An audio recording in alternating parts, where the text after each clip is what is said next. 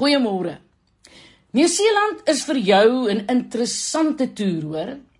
Daar is voëls wat jy kan vlieg nie, omtrent 41% daarvan. Wanneer jy daar rondloop, sien jy hierdie gevleeldes het nie vlerke nie. Hulle het net knoppe. Nops noem hulle dit. Nou die rede is dat daar nie roofdiere in Nieu-Seeland is nie. Daar is nie slange, wolwe, boskatte of sulke spesies wat die voëls as wegneem eet te sien nie.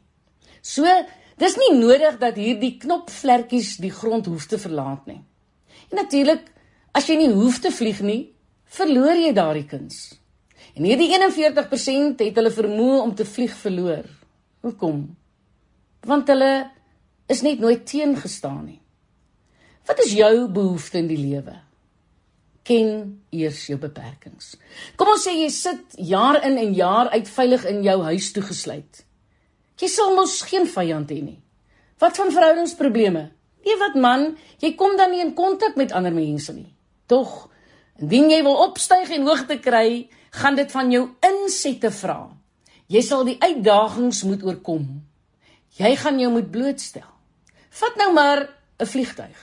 Vir so 'n gevaarte om op te styg, is dit nodig dat dit teen die wind invlieg.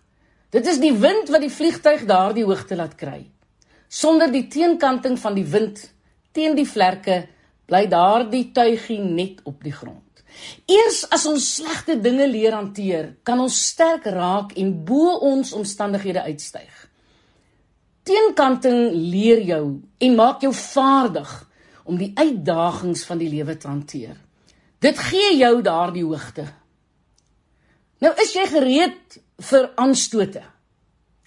Ons kry 'n interessante prent in 2 Samuel 10 vers 1 tot 5. Dit lees regtig soos 'n moderne politieke thriller. Koning Dawid hoor dat hulle buurkoning Agas gesterf het. Dawid besef hierdie heerser was hom goedgesind. Dis wil hy goeie betrekking met die opvolger bly handhaaf. Hy stuur 'n afvaardiging om te laat weet Hulle voel saam en wil eer betoon. Dawid stuur twee van sy kragtigste manne na die Ammoniete aan die ooste kant van die Jordaan. Toe hulle daar kom het iemand iemand in die oor van die nuwe koning gefluister.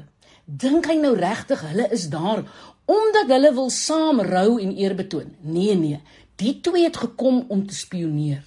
Hulle wil die infrastruktuur en die verdediging kom uitkyk vir 'n later aanval. So Die afvaardiging van Dawid is vals beskuldig. Die nuwe koning het sy ore uitgeleen. Hy beveel dat die helfte van hierdie manne se baard en kleed afgesny word. Kry jy nou meer of minder? Dink dink net aan hulle vernedering om so huis toe te gaan met net die helfte van jou baard en 'n ontblote agtersteewe. Kan jy jou erger aanstoot indink? So hulle is nie fisiek aangerand nie. Hulle is emosioneel aangetast. In die Midde-Ooste is 'n baard 'n teken van volwassenheid, eer en onderskeiding. So deur hulle baard af te skeer, is hulle identiteit aangeraak, hulle trots en hulle eer. Nou die manne was dus te skaam om terug te gaan. Daarom laat weet Dawid, bly voorlopig in Jerigo totdat julle baard weer teruggegroei het. Dit was 'n veilige plek waar hulle uit die oog sou wees. Interessante naam in die oorspronklike taal beteken dit plek van geur aangename geur. Daar kon hulle weer heel word. Nou ek wil vandag vir jou sê, teenkanting is deel van die lewe. Aanstoot is deel van die lewe. Vernedering is deel van die lewe. Maar deur dit alles het ons 'n wonderlike voorbeeld in Jesus gehad. Jong, Jesus het deur soveel vernederinge en soveel aanstoot gegaan. Maar die rede waarom hy dit kon deurstaan is omdat hy geweet het wat aan die ander kant op hom wag. Hy sê tog nie daardie goeie Vrydag deur alles kon gaan as hy nie geweet het daar is hoop aan die ander kant nie. En ek wil vandag vir jou sê, Jesus sê self in hierdie wêreld sal ons steenkanting beleef. Maar hou goeie moed en staan vas want daar is oorwinning aan die ander kant. Ek bemoedig jou dus vandag Moenie moedeloos raak nie. Moenie laat aanstoot jou onderkry nie. Daar is 'n beter kant, daar is 'n ander kant waar jy gaan loon ontvang. Ek is Lenet Beer vir Radio Kansel.